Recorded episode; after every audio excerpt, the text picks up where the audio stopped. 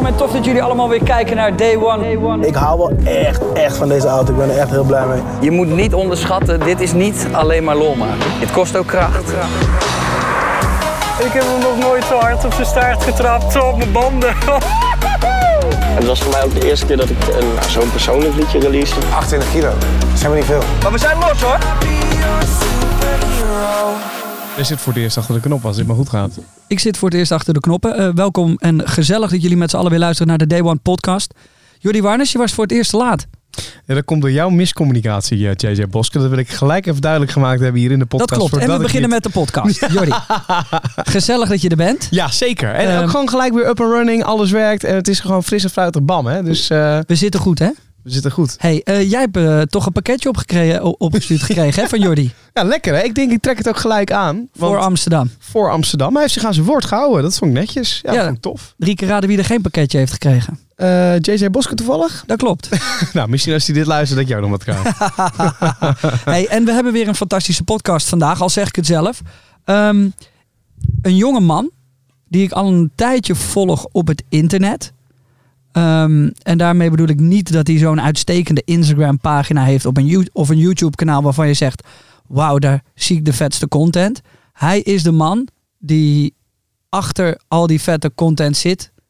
Ehm, en daarmee bedoel ik te zeggen: hij heeft een, een bedrijf dat zo vooruitstrevend is af en toe. Dat ik denk bij mezelf: als ik jong was geweest, had ik daar willen werken. en ik wil nooit voor een baas werken. Maar dan had ik daar misschien wel willen zijn. Want ik heb het gevoel dat ze daar met iets magisch bezig zijn. Ehm, hij staat, of wordt je benoemd, ik weet niet hoe dat werkt, maar de Forbes 30 under 30. Dat is echt een ding. Mhm. Ehm, dan ben je eigenlijk de shit. Vooral in Amerika, hier in Nederland, ja, haalt iedereen een beetje zijn neus op en denken ze, nou, prima, dat is leuk. Maar daar is dat echt een ding. Ehm, hij is jong, hij is succesvol, weet heel veel van content. En ik denk dat dit een podcast is waar je, eh, de mensen gewoon moeten lekker, eh, lekker moeten gaan zitten. Als je van content maken houdt, maar ook als je eh, wil ondernemen op jonge leeftijd. Ja, maar de woorden uit de mond. Toch? Ja. Ja, ik, eh, je, je hoeft dit keer geen intro te doen. Nee, terwijl ik me al helemaal had voorbereid en alles. Maar, Nou, doe hem maar dan. eh, nee. Ja. Tim, gezellig dat je er bent. Leuk, thanks voor de uitnodiging. Ja, podcasten. Is dat iets wat op jouw programma staat om, eh, om uit te breiden waarvan je denkt, nou, met mijn bedrijf moeten we daar misschien ook wel in duiken? Ehm, ik vind audio heel interessant. Dus ik denk dat als jij eh, het vette aan audio vind ik, en dan podcasting valt daaronder, maar dat alle momenten eigenlijk dat mensen geen content normaal gesproken consumeren, daar past audio heel goed in. Dus op het moment dat, eh, ik denk niet dat audio eh, ten koste gaat bijvoorbeeld van video, maar bijvoorbeeld jij zit in de auto, je bent de was aan het doen, andere dingen, dan past audio daar heel Sporten. in. Sporten. Dus ik denk dat audio en zeker podcasting een heel groot deel gaat wegnemen van wat wanneer mensen eigenlijk muziek luisteren. En bijvoorbeeld eh, alle grote platformen zetten nu op in. Ik weet niet of wij er nu in zouden gaan, want het is eigenlijk net te laat. Eh, maar ik vind het zeker interessant. Te laat? Is het ooit te laat? Nou, ik zeg, zou niet zeggen te laat, maar wij zitten, wij hebben gewoon andere focus op het moment. Dus het is, eh, je moet ook soms een beetje kiezen van, oké, waar, waar focus je op als bedrijf? En ik denk als wij met podcasting, dan hadden we denk ik dat twee, drie jaar. We hebben wel, we doen wel dingen met voice. Dus eh, Alexa, Google Home, dat soort dingen. Maar eh, podcasting, producties en zo niet. Maar ik vind het wel heel interessant. Ik luister veel podcasts. Dus Is misschien nog even interessant te vertellen hoe oud Tim is? Ik ben eh 22. En wat Ja. doe je, Tim? Ja, dat is wel even Ja. goed om te weten met het, met het verhaal wat nu gaat komen. Hè? Ja. Dat maakt het allemaal nog iets indrukwekkender, denk ik. Nou ja, rustig aan, eh Jordi. Eh, ja. Ik wist niet, hebben jullie een relatie of zo? Nee, zeker niet. Nee. ja, maar- ja, je praat een beetje over Tim zoals ik over mijn ex-vriendin praat. nee, ik loop je te dom. ja. Eh, Tim, wat doe je? Ja, ik ben, eh, ja, ik ben Tim van der Wiel, oprichter van Go Spooky en Go Spooky. eh, wat wij doen, wij houden leidinggevende merken. Zeg Amazon, Coca-Cola, eh, KLM, Snapchat. Houden wij in de voorhoede van social media. Dus wij zitten gewoon continu op de allerlaatste de- eh, ontwikkelingen. Allerlaatste technologie, platformen. Ehm, en dat, eh, ja, dat doen we eigenlijk dat doen we in Nederland, dat doen we daarbuiten, dat doen we in Europa. En we zitten nu te kijken of we dat eigenlijk wereldwijd kunnen gaan doen. Holy shit.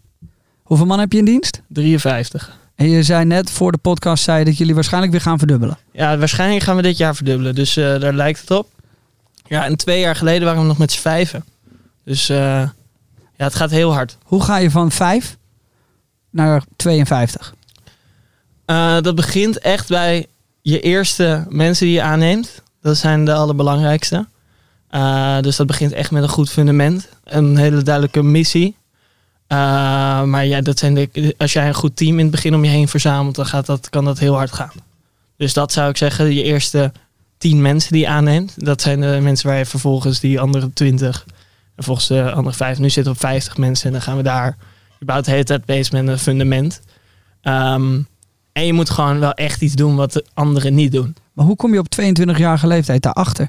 Dat duurt toch heel lang om dit soort dingen te leren. En jij doet het binnen twee jaar. Ja, ik ben wel langer dan twee jaar bezig. Dus ik was op mijn dertiende. Had ik, eh, toen was Twitter nog echt een ding. En toen had ik eh, allemaal verschillende Twitter-accounts. En daar had ik destijds anderhalf miljoen volgers op in Nederland. En het was gewoon het woord influencer. Die hele, al die branddeals, al die dingen bestonden allemaal nog niet. En ik verkocht advertentieruimte aan gewoon adverteerders. Hè. Jij weet ongeveer wat, eh, wat je krijgt als jij anderhalf miljoen volgers hebt. Ik kreeg een- 50 euro voor één tweet. Ehm dus in die zin iets vroeg gepiekt. Maar ik kwam al heel vroeg achter, eh, achter wat eyeballs online, dat dat gewoon geld waard is. En dat je daar een bedrijf op kan bouwen. Eyeballs online, je bedoelt mensen die kijken naar content. En Ja. dat is geld waard. Ja. Toch? En, en hoe zag dat er dan in het begin uit? Want je zegt net 50 euro per tweet. Maar het is tegenwoordig soms nog wel lastig. En dat zul jij beter nog weten dan ik. Het is tegenwoordig al lastig om aan ouderwetse bedrijven uit te leggen dat online advertentiewaarde misschien nog heel veel iets uit. Tenminste, op, misschien op een Snapchat en dergelijke. Maar als jij in die tijd aan een bedrijf uit moet leggen of ze 50 euro willen betalen voor een tweet, deden ze dat gelijk? Nee, zij kwamen gewoon, eh, dat was vaak, dit, ik had mijn, in mijn bio had ik gewoon mijn e-mail. Ja. En toen kwamen gewoon, ehm, ja, het ging van eigenlijk van de grotere merken tot hele sketchy affiliate dingen, dropshipping, eh, kledinglijn, allemaal dat soort dingen. Mensen die dat allemaal deden. Dus het was gewoon, ja, het was lang niet zo professioneel als dat het nu is. En ik denk nu, Wat vind jij van dropshipping even tussendoor? eh, het was denk ik tien jaar geleden een hele goede business. Maar hetzelfde met, ik weet dat heel veel, dat nu echt zo'n game is van, oké, ja, je gaat dropshippen of je gaat dingen. Maar als iedereen iets doet, Dan moet je wegwezen. dan moet je gewoon, dan is dat gewoon al een feit van oké, ze hadden waarschijnlijk niet enorm veel geld. En de meeste gasten die vertellen dat je moet gaan dropshippen, verdienen geen geld aan dropshippen, maar verdienen aan een cursus die ze jou aansmeren. Dus Duidelijk. Oké, en door. ja, dus eh, dat gedaan. Toen ging Twitter dood. Eh, tenminste, dood. Onder jongeren werd niet meer zoveel gebruikt. En destijds ben ik toen eh, gevraagd om bij Spinningwerkers te komen werken. Dat was toen een mannetje of twaalf. En toen ben ik daar eigenlijk alle nieuwe platformen gaan doen. Dus we waren zo van, oké, we willen iets met Snapchat. Of ik zei, yo, misschien moeten we iets met Snapchat doen. Oké, Tim, ga je het maar opzetten. De Spinningwerkers, voor de mensen die het niet kennen. Eigenlijk alle grote Nederlandse DJ's, Martin Garrix tot Afrojack Chesto, die zijn eigenlijk daar hun carrière begonnen. Ilko van Koten. Ja. Heeft hij nooit gezegd, hé, hey, wat ben je aan het doen? Van, eh, Nu? nee. Die heeft natuurlijk zijn bedrijf voor miljoenen verkocht. Nee, ik heb, eh nee, Eelke spreekt niet. Ehm, maar eh, daar dus eigenlijk gewoon heel vroeg. En dat was toen gewoon net, dat was 10, eh, 10 12 man. En dat begon toen, eh, ja, dat is toen heel hard gegroeid. En daar eigenlijk van alle, van Snapchat tot Instagram. En je moet zo zien, de muziekindustrie loopt echt vooruit op, eh, op de rest. Dus als je wil weten van wat er gewoon, muziekindustrie is gewoon heel innovatief. Ook omdat hun business gewoon zo hard verandert. Dus die zijn van eh, cd's, van, ooit van platen naar cd's, naar eh, illegale downloads, naar streaming. Dus zij moesten continu vooruitlopen. Dus wij deden, nou ik zou heel veel dingen zeggen, die, de dingen die ik toen deed, die doen heel veel grote merken. De echte grote merken doen dat nog steeds niet. Dus dat was een heel mooie leerschool, omdat ik zag van oké, zo werkt een gro- groeiend bedrijf en zo eh, werken die platformen. Ehm, en toen ging ik om me heen kijken. Toen zag ik van ja, maar hoezo doet een Coca-Cola hier niks mee en Albert Heijn en alle, al die grote merken doen hier gewoon nog helemaal niks. Ja, ze doen een beetje Facebook. Geen idee hoe Instagram werkt, geen idee hoe Snapchat werkt, geen idee wat überhaupt een Twitch is. En toen eh, zijn we dat gaan, eh, kwam ik mijn huidige compagnon tegen. Toen zijn we gewoon bedrijven gaan, eh, gaan adviseren, wilden we. Ze hebben ook heel bewust gekozen van oké, we wisten van heel veel platforms iets af. Snapchat was toen een soort van het ding. Daar komt ook de naam Go Spooky vandaan. We dachten, oké, we gaan merken op Snapchat helpen. Maar dat deden we eigenlijk twee redenen. Ten eerste omdat Snapchat gewoon in onze ogen een soort vooroploper was binnen die social platformen. Dus gewoon met eh augmented reality, al die filters, Ja. mobiele content. Ehm, echt de toekomst van hoe mensen privacy, hoe mensen social wilden gebruiken. En tegelijkertijd wist niemand er iets van. Ze zouden gewoon bedrijven gaan mailen. Hey, een keer praten over, over Snapchat. En heel vaak bleef dat dan bij praten eerst half jaar niks verkocht. Ook omdat ik niet wist, wij niet wisten hoe werkt zo'n groot bedrijf, wat ben je dan waard. Dus bijvoorbeeld, ik zou een voorbeeld geven van een van de dingen waar je dan tegenaan loopt, is van op een gegeven moment, je weet niet wat je waard bent. Wij komen, en dat wist ik bij Twitter-account niet, je weet gewoon, heb geen idee. Dus jongen, je begint net, komt net kijken. Dus op een gegeven moment was het zo van, eh, oké, elke keer dat als wij een meeting hadden, deden we gewoon prijs keer twee. Zo elke keer kwamen we ergens binnen, hoi, hoi, ja. Want, nou, wat kost het met je te werken? Elke keer deden we gewoon tarief, gewoon keer twee. Dat deden we gewoon totdat iedereen ons eigenlijk begon uit te lachen. En zo kom je op een gegeven moment een beetje achter van, oké, wat, wat ben je dan waar? Dit, zo, eigenlijk dat eerste jaar, eerste twee jaar. Ik zat ook nog op school, deden we wat campagnes, freelance. En we, dan heb je het over jij en Liam. Ja, toch? en dan gewoon een klein team daaromheen. Eh, vooral namelijk freelancers mee gewerkt. En toen eigenlijk na, na twee jaar, toen eh, de keuze gemaakt van oké, of na anderhalf jaar gezegd van oké, hier gaan we gewoon volledig op. Nog de keuze van ga je dan studeren of ga je, ga je dat doen? Nou, dit gedaan. En als het niks zou worden, dan zou ik wel alsnog gaan studeren. Maar eh, toen eh, zijn we eigenlijk gewoon, hebben we de eerste vijf, zes mensen aangenomen. Vanaf daar is het eigenlijk heel hard Maar je gegaan. kan niet zomaar vijf, zes mensen aannemen. Nee, ik, dat- denk, ik denk dat je daar best wel. Het, het is Het voor jou natuurlijk best. Ja, het is voor jou natuurlijk best wel een. een eh, het gaat snel. Als je binnen twee jaar naar 50 gaat. Maar hoe kom je al op die eerste vijf dan? Want jij zegt, ik heb net. ik, ik ga dan praten met, met partijen. Dan verdubbel ik. Betekent dan dat je uitgelachen wordt omdat je te veel vraagt of te weinig? En wanneer kom je dan op het niveau dat je vijf mensen kan aannemen? Kijk, ik denk het, het wat bij ons heel goed werkte, was wij zagen Snapchat als de toekomst van socials. Wij begonnen bijvoorbeeld bij één merk met één. We zeiden in het begin wel al van nee, we willen niet voor de bak op de hoek werken. Het zijn alleen merken de, waarvoor we, die we kennen. Dus eerste, een van onze eerste klanten was Hema. Aan het begin met één, eh, of Lowlands was onze eerste campagne. Dat kwam ik weer via een soort van het muziekindustrie eh, netwerk kwam ik daarbij uit. En ehm, je begint met één klein dingetje. En dat werkt goed. En dan hoop je, oh, dan mag je op iets nieuws doen. Maar bij ons was het dus interessant. Je moet gewoon altijd als je iets eh, opricht, daarom zeg ik ook dropshipping, je moet op een bepaald soort golf zitten. Ja. Het liefst een beetje aan het begin van de golf. Want dan kan je, dan doen nog niet zo heel veel mensen iets. En dan kan je dan ook mee meeliften. En als op het moment dat iets heel groot wordt, dan groei je daarmee mee. Dus bijna elk groot bedrijf, nou Facebook is, met de mobiele telefoon, weet je, elk groot bedrijf die zit, Microsoft met de PC, iedereen zit op een soort van golf. En daar moet je een beetje in het begin zitten. Dus wij hadden Snapchat destijds, was gewoon mobiele content. En toen alle andere platformen, Instagram met stories kwam. En eh, welk platform kwam niet met stories en met eh, AR en dat soort dingen. eh, was voor ons een heel logisch moment om te zeggen van... hé, hey, ja, wij doen dit al een jaar op Snap. Kunt ook op Instagram. En hoe lang duurt het dan voordat een bedrijf jou serieus neemt op die leeftijd? Want ik denk dat dat ook nog wel een dingetje kan zijn. Je komt bij allemaal volwassen oude... Ja, want wil je vijf, zes mensen aannemen, dan moet je tonnen omzetten. Nee. Dat, eh, dat gaat, het gaat, ik denk dat... eh, nou, wij zetten denk ik, wij zaten met zes mensen en toen zetten we iets van negen ton om. Het eerste jaar. Ja. En, eh, maar daarvoor, kijk, dat gaat dus heel, eh, dat gaat heel langzaam. Het begint inderdaad met één iemand. We hebben heel lang gedaan voordat we überhaupt één iemand aannemen. Dan neem je een tweede aan, een derde aan. En vervolgens gaat het gewoon steeds sneller. Ja. Totdat je op een gegeven moment eh, bijna elke week hebt die, iemand hebt die start. Ja. Ehm, dus dat, dat is inderdaad, je bouwt dat heel langzaam om. Daarom zeg ik ook, het aanlooptraject is bij ons veruit het langste. En eigenlijk de afgelopen twee jaar. Dus wij zijn bijna twee jaar bezig geweest. Van de meetschool en al die dingen. Twee jaar bezig geweest om van nul met z'n tweeën naar vijf mensen te komen. Ja. We zijn nu in twee jaar van vijf naar vijftig. Ja. Dus je hebt eigenlijk een soort van stages waar je de hele tijd door, eh, doorheen gaat. Ja, Jordi. Dat is even... eh, Nou ja, maar ik, ben- ik was nog wel benieuwd. Dus wat ik net Ja. zei. Hoe, la- hoe lang duurt het voordat je in een gesprek met een bedrijf als een HEMA of als een Lowlands, wat je net noemt. Nou, Lowlands zal waarschijnlijk, die, die supporten dat wel redelijk snel volgens mij. Maar hoe snel word je serieus genomen? Ik bedoel, er komen in, in de ogen van een groot bedrijf komen een paar jochies, eh, heel gechargeerd gezegd, komen naar, naar hen toe, toch? Eigenlijk. Ja, heel terecht punt. Ja, ik denk dat dat het grote verschil is tegenwoordig.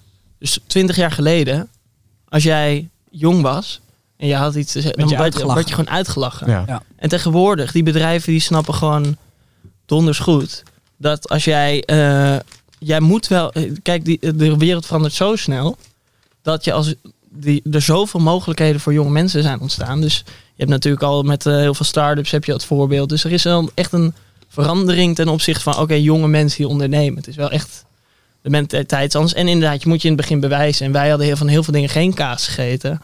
Maar je hoeft ons niet te vertellen wat hoe social werkte. Dat zou ik zeggen, letterlijk, wij zitten bij de grote partijen. Wij zeggen heel vaak, oké, op een schaal van 0 tot 10 zou ik, de, zou ik jullie marketing ongeveer een 3 geven. Maar als je mij vraagt wat een 10 is, dan kan je bijna elk 16-jarige op TikTok pakken. Want voor die generatie komt het gewoon natuurlijk om content te maken en te kijken hoe dat presteert. En dan naar een doelgroep te luisteren en te zien wat er op een platform gebeurt. Dat voor jonge mensen komt, dat is dat gewoon hoe ze zijn opgegroeid. En voor ouderen is dat gewoon echt een ander ding. En dat is gewoon. En dan komen er heel veel dingen bij. Hoe werkt zo'n groot bedrijf? Ja, dan ga je gewoon een paar keer op je bek. Ehm, maar uiteindelijk, als jij gewoon weet waarover je praat en je kan leveren, dan heb ik er geen, heb ik er geen eh, ongetwijfeld dat, dan, eh, dat je daar een succes van kan maken. ik probeer ook een beetje te vinden zeg maar, wat jou anders maakt dan, dan de mensen die op de verschillende, hè, op de gemiddelde social media afdeling werken. Want nou, Jay heeft er in zijn leven genoeg meegekregen, denk ik. Ik denk ook wel dat ik een aantal social media afdelingen voorbij heb zien komen in, eh, in mijn leven. En er zitten ook een hoop jonge mensen die ook allemaal denken dat ze het goed doen, maar die lopen ook altijd maar achter de feiten aan. Wat, wat, wat kijk, wat was voor jou hetgeen wat jou anders maakte? Hoe wist jij wel waar het hem zat? En, en hoe kon jij wel doorhebben wat wel en niet werkte? En Dat is een hele goede vraag. Ik denk dat als jij kijkt naar de gemiddelde. ehm, nou, laat me, laat me hem zo beantwoorden. Wat ons anders maakt, is dat wij niet nagaan. Wij gaan lezen geen blog of wij baseren onze mening over een bepaald platform niet op wat andere mensen ervan vinden of wat we ergens gelezen hebben. Nee, wij gaan gewoon echt elke dag gewoon proberen.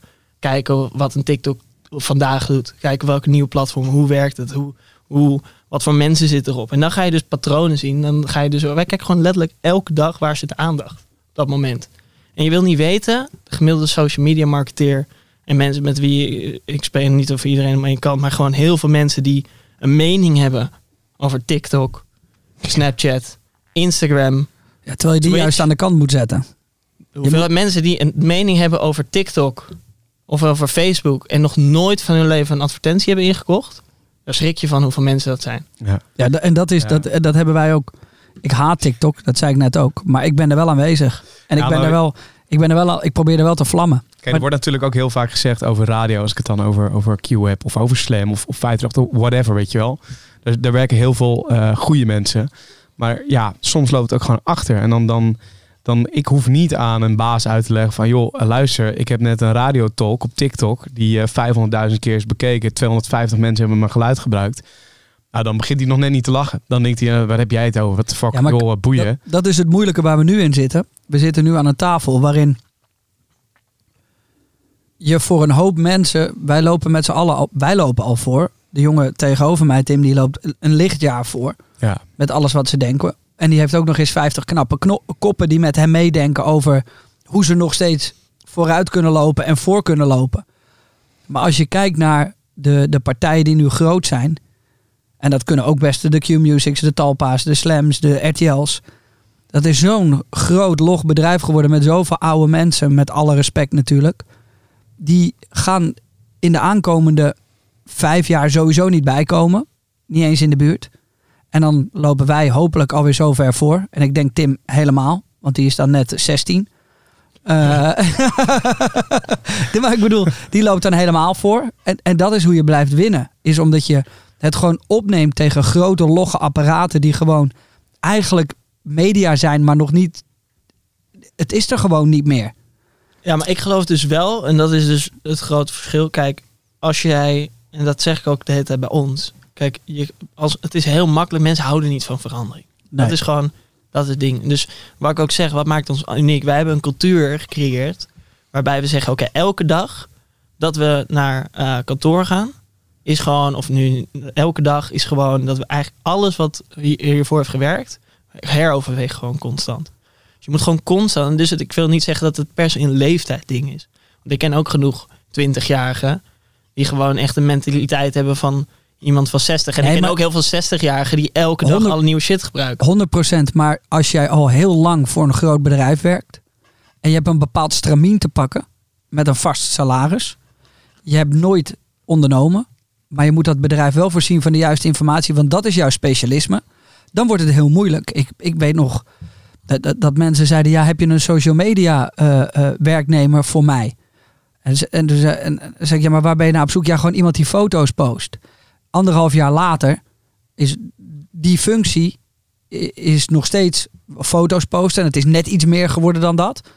Maar het duurt pas vijf jaar voordat die functie op zo'n niveau is. Dat social media, eh, degene die bij social media werkt, dat het er niet één is, maar dat het er straks misschien wel vijf zijn. En die echt tot in detail weten wat er moet gebeuren, omdat dat je bereik geeft.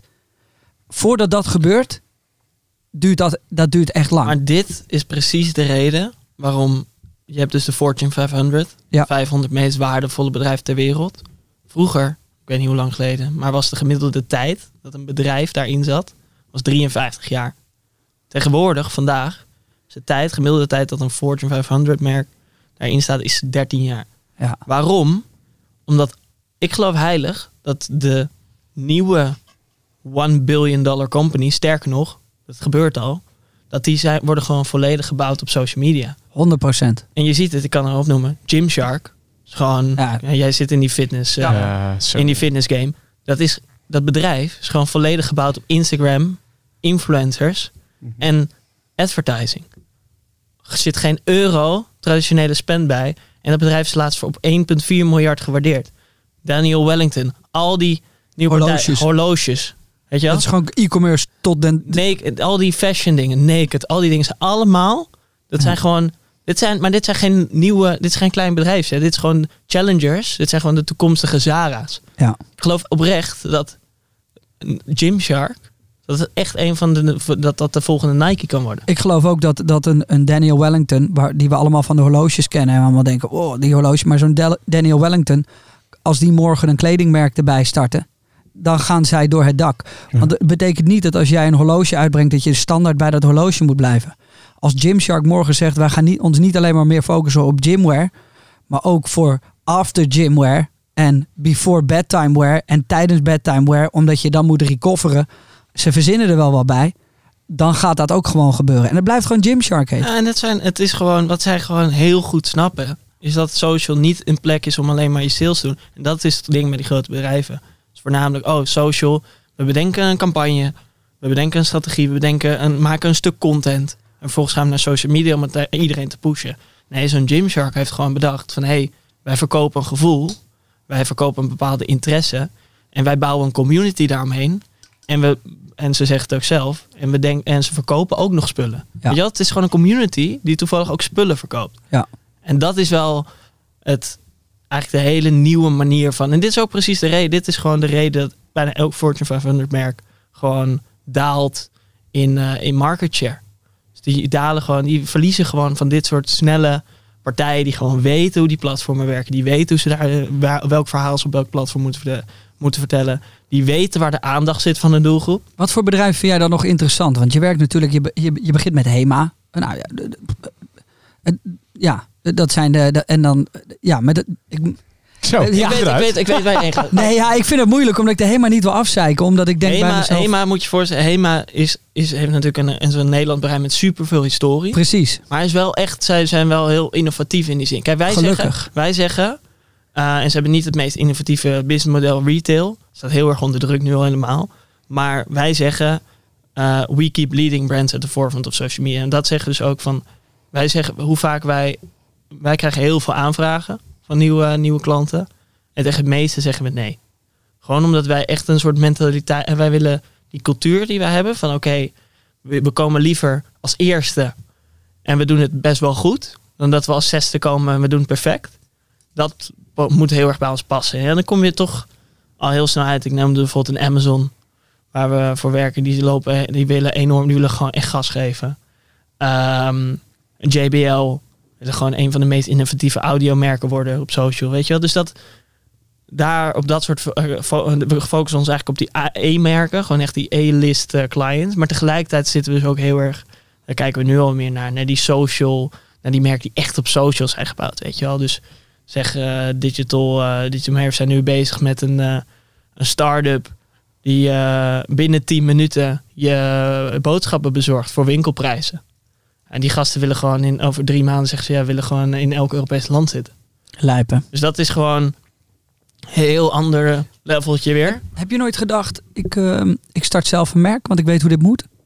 Nou, dat is dus, kijk, ons, ehm, wij willen, laat ik zo zeggen, zeker. Daarom hebben we ook gewoon gezegd van, oké, we hebben onze missies. We want to become the leading global social media company. We hebben expres geen agency gezegd, omdat ik denk van, oké, als ik zo meteen 100, 150 mensen heb die gewoon weten, precies weten hoe die platformen werken, waarom zou ik dat dan nog voor een groot merk doen? En wie is nu leading daarin dan? Wat bedoel je? Wie is nu leading daarin? Ehm, ja, Weinig. weinig. Ik ken er ook niet veel, man. Ben je het dan niet Ik, al? denk, ik, ik eerlijk gezegd, ik zou Ik als je, niet 0, gek- als je 0 tot 10, eerlijk, als je de hele advertising wereld pakt, Ja? Zitten jullie wel al... eh, dan zou, dan zou ik zeggen dat en je zou ze een cijfer geven van 0 tot 10. Zou ik denk ik dat de meeste merken en alles, en ik zeg niet dat wij het heel veel beter doen hoor, maar zit er ongeveer op een 3. ja. Dus het is, En wat jullie aan het doen zijn, en wat, wat jullie als bedrijf aan het doen zijn, daar, zit, daar, daar zitten jullie ook al in de... Dat niet top drie in de wereld zit al.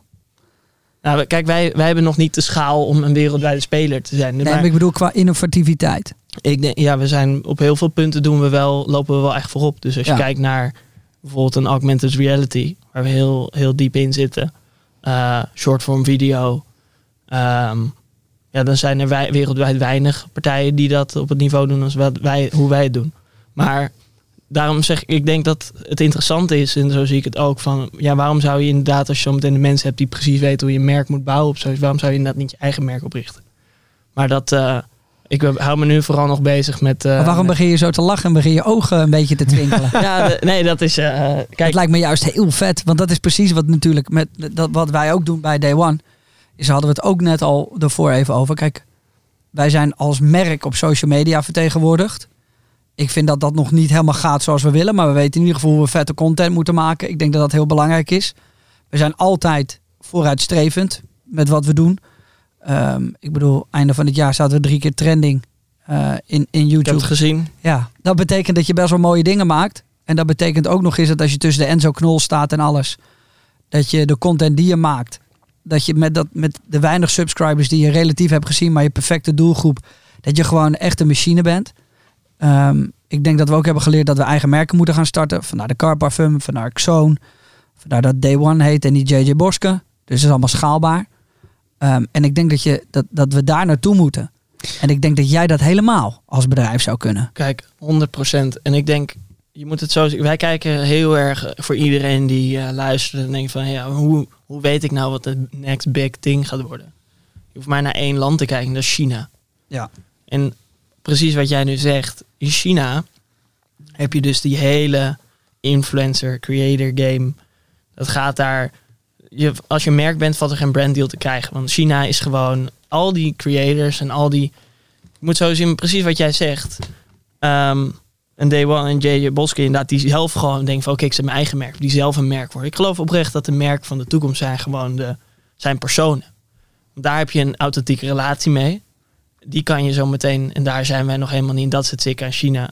Is als jij een product ziet, of nou in een video is Ja. of iets kan je het direct kopen. Heel lijp. Want ze hebben daar gewoon alle betaalintegratie, alles zit daar al in. De social commerce komend jaar is echt een van de grote dingen waar wij ook op, eh, op focussen. Is gewoon van oké, op het moment dat jij zo meteen die hele, nu is het nog heel erg, oh ja, je, je ziet een videootje en dan eh, ga je misschien nadenken, nee, jij video, sommige mensen op TikTok bijvoorbeeld, je ziet een video met een product erin, je leert over het product, je vet product en je kan het ook met één druk op de, op de knop kan je het kopen.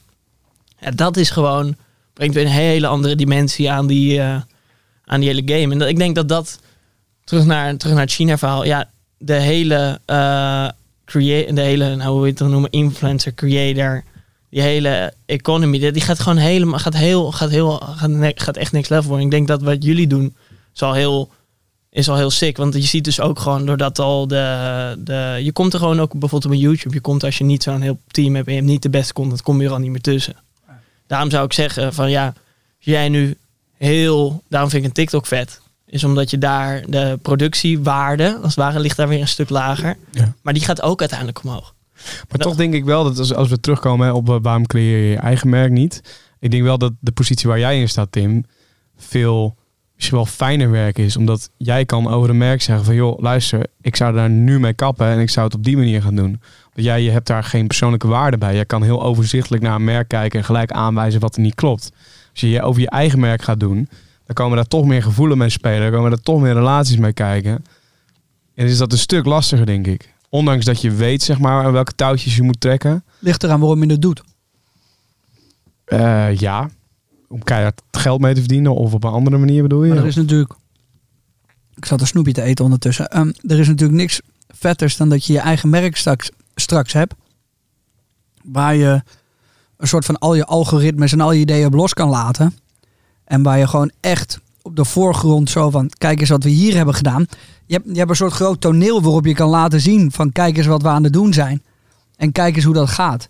En je hoeft niet meteen je ideeën te pitchen bij een Amazon die dan gaat twijfelen. Je kan het direct toevoegen aan je merk, waardoor je niet alleen ziet dat je merk misschien groeit of juist niet, waardoor je ook daarmee anderen kan helpen en altijd nog meer voorop blijft lopen. Je hebt een soort van, ja, je kan een soort van tekening maken elke keer met, met hoe het werkt. En dat lijkt mij, dat, dat is wat ik merk in ieder geval aan wat we aan het opzetten zijn, is dat ik steeds beter word in het bekijken van oké, wat werkt er wel voor ons, wat niet. En, en dat kan ik als eerste toepassen. En dan komt de rest pas. Ja, dat zijn allemaal van die dingen. Kijk, als wij nu bijvoorbeeld kijken naar de Day One roadtrip die we hebben gemaakt.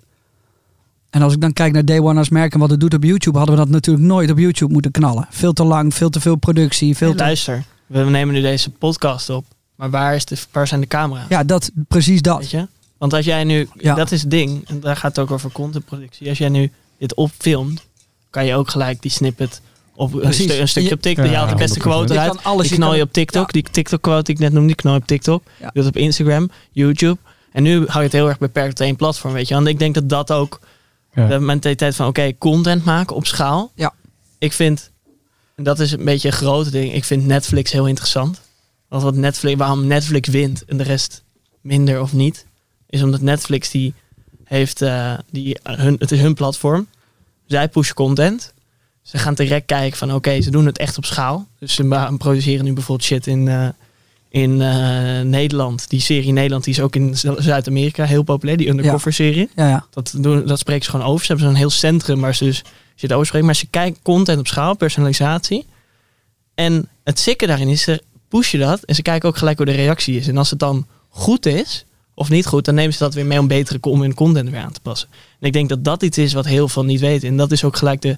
Er is geen gouden formule Nee. voor social. Ja, en ik denk natuurlijk met, met eh, als je teruggaat naar het camera's, met zo'n podcast idee, dat natuurlijk dat is 100% waar je met zo'n podcast naartoe wil. Alleen dan kom je er ook gelijk bij kijken dat als je zo'n bedrijf beheert en runt, wat, wat Jay natuurlijk doet met Day One, ja, dan kom je ook gewoon tegen praktische dingen aan, toch? Weet je, het kost ook allemaal weer geld. Podcast levert nu nog niks op. Nou, dan ga je de camera men- mensen bijzetten of je gaat camera's neerzetten. Het moet allemaal weer geëdit worden, maar er moet ook een YouTube-video geëdit worden. Dat zijn natuurlijk al die dingen waar je dan tegenaan loopt.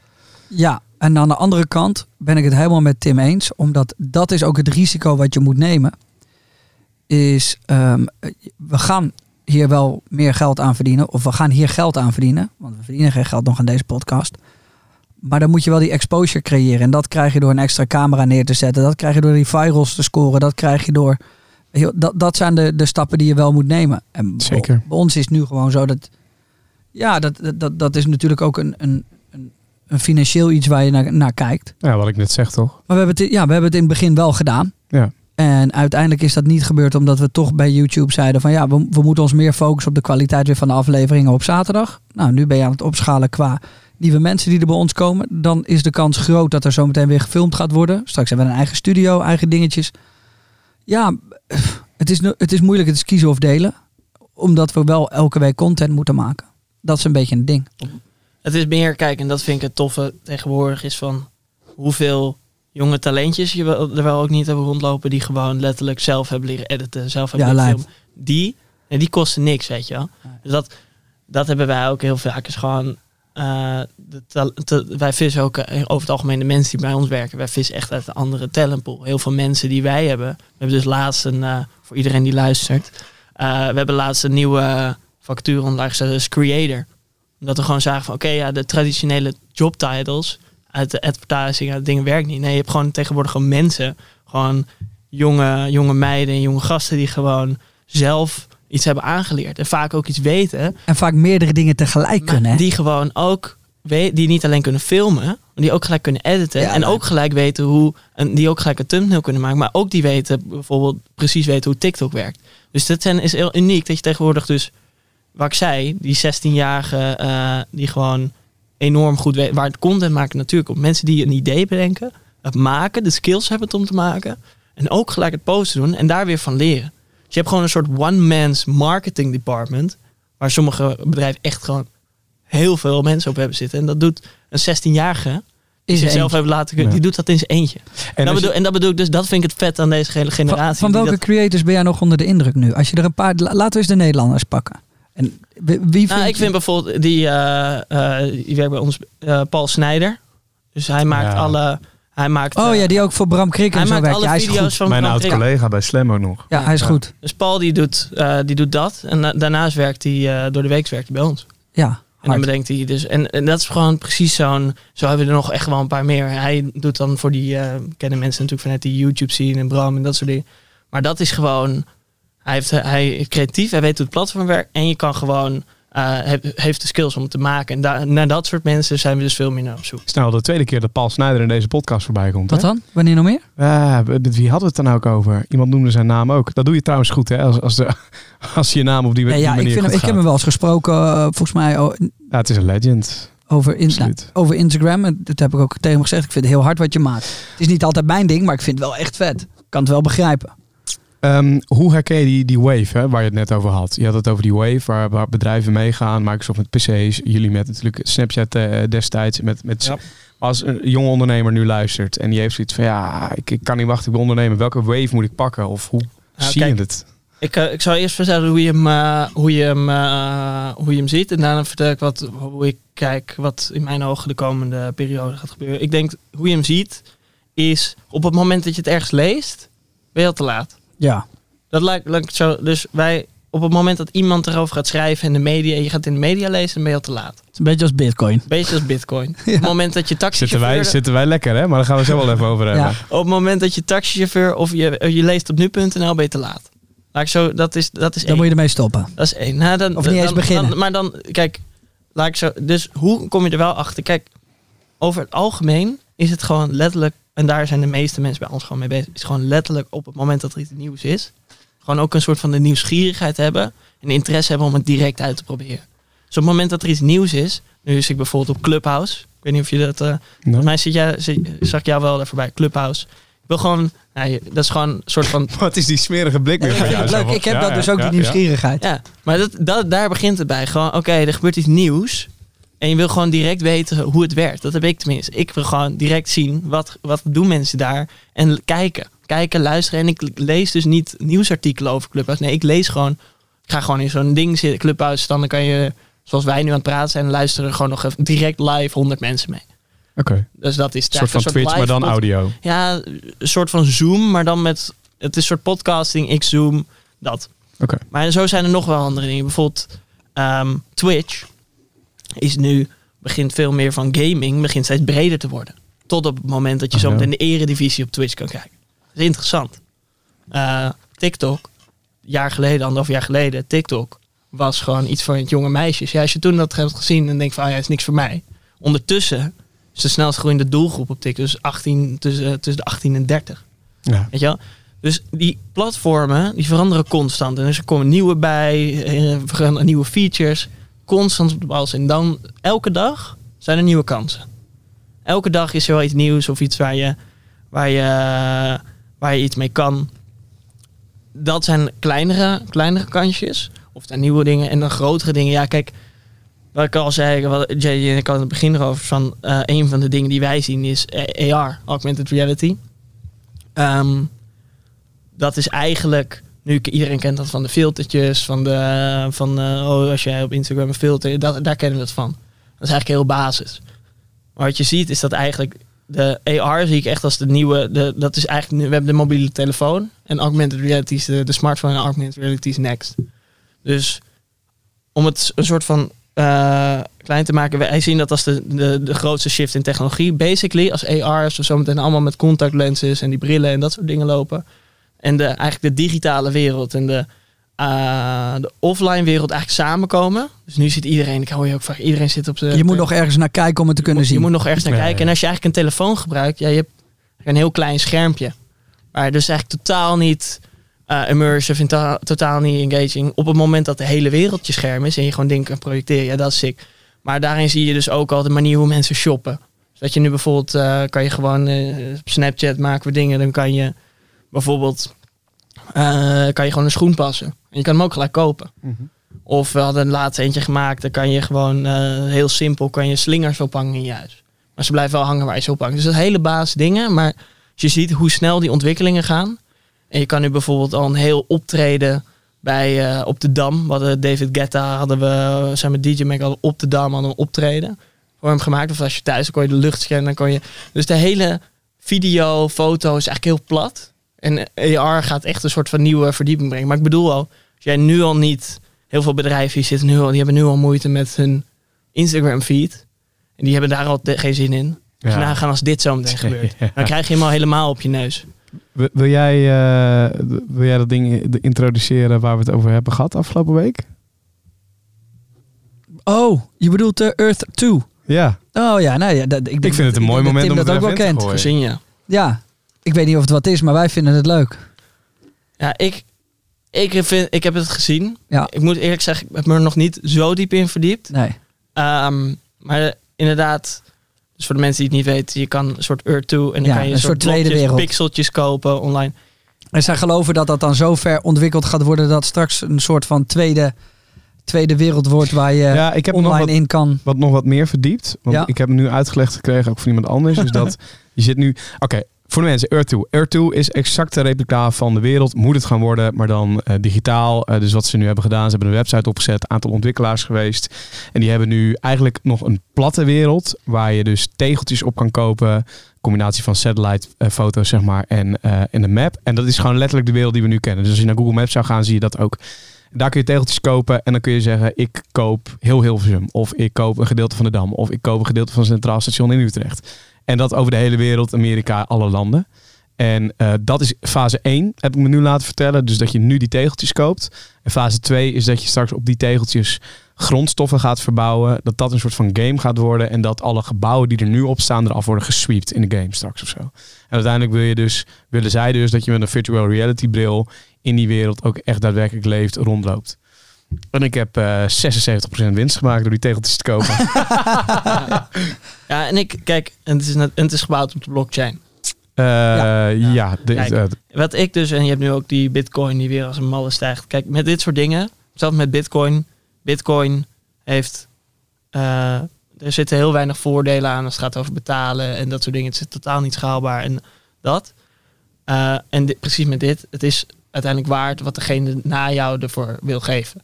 Wat ik interessant vind, en dat vind ik nu wel interessant aan die bitcoin. In eerste instantie was het gewoon een soort van eh, blinde, blinde paniek. Iedereen bitcoins kopen. Wat ik nu interessant vind, is dat het ook wat meer gaat over gewoon de achterliggende technologie, de blockchain.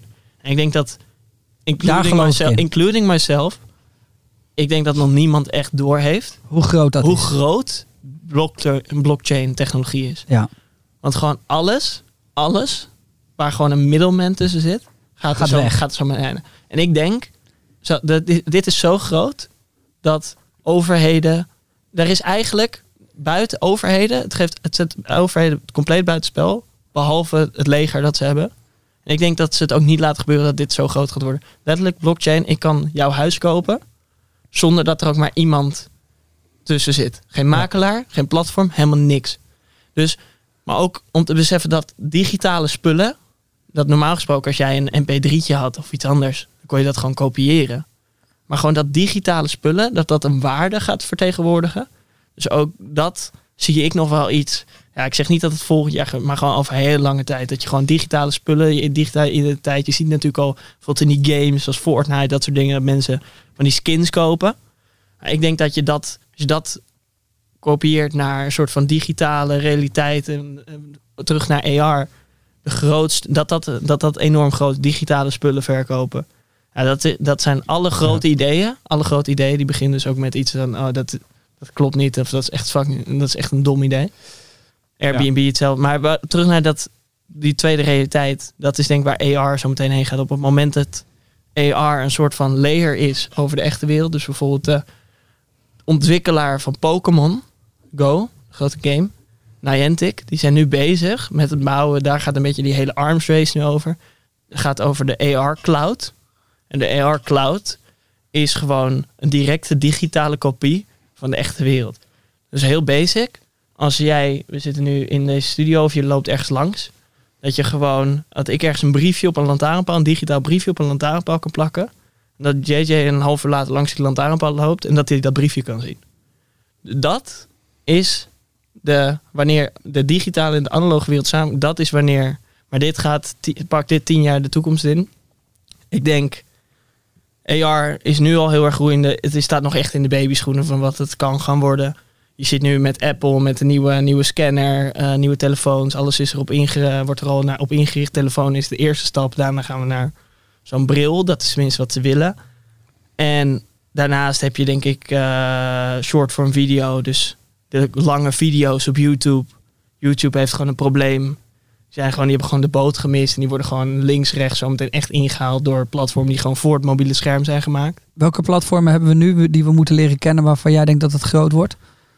TikTok Is er een nieuwe TikTok? Nou, er is geen. Ik denk dat. Kijk, er zijn niet zo heel veel nieuwe platformen. Want het is gewoon op het moment dat een platform eh, groot dreigt te worden, wordt het vaak gewoon gekocht door een van de grote platformen. En dan wordt het of ook groot gemaakt of het wordt de kop ingedrukt. Precies, maar bijvoorbeeld, ik denk dat dat nu dus wel. Je hebt nu eh, die hele voor de mensen die het een beetje volgen. Ze dreigen nu, eh, ze willen Facebook, Instagram, WhatsApp en Facebook willen ze gaan opbreken. Eh, ik denk uiteindelijk dat het ook gaat gebeuren. Want Facebook is gewoon veel te Machtig. Veel te machtig. Maar bijvoorbeeld een TikTok, dat weten niet heel veel mensen. TikTok is, de eigenaar van TikTok is ByteDance. ByteDance is het meest waardevolle private bedrijf ter wereld. Die hebben in Zuidoost-Azië bijna elk groot social media platform is van ByteDance. Eh, ze hebben Douyin in China. Maar TikTok, als je ziet wat ze daar dus, de Chinese TikTok, Douyin, als je ziet wat daar gebeurt, qua hoeveel daar de, ik denk de meeste Chinezen, heel veel Chinezen, Douyin gebruikers, die doen een boodschap op TikTok. Ja. Dus je hebt gewoon als pagina, heb je gewoon een shop.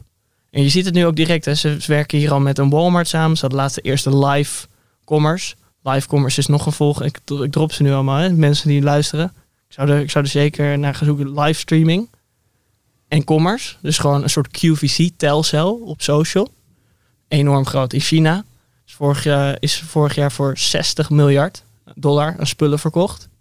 Via, via het live commerce stuk. Dat was tijdens de Singles Day was er één livestreamer, is gewoon een influencer daar, de populairste, die had 60 miljoen kijkers.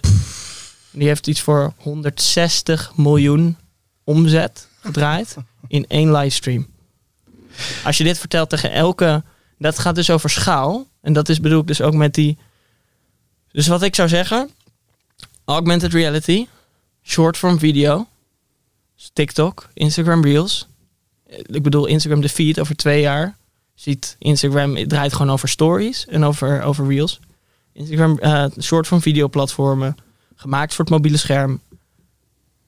Social commerce, dus spullen verkopen via, Je kanalen. eh, via kanalen, maar wel niet zo echt, hey, check mijn shop, want dat is al, maar echt als plugin op een- bestaande content. ja, dus in een filmpje of in eh, whatever. Het draait nog steeds om het filmpje. Maar je kan in plaats van dat je helemaal naar een website moet, is het gewoon één druk op de knop. Frictieloze commerce. En die creator-economie. Die gewoon compleet door het dak gaat zometeen op het moment dat iedereen gewoon zijn rekenmachine erbij pakt.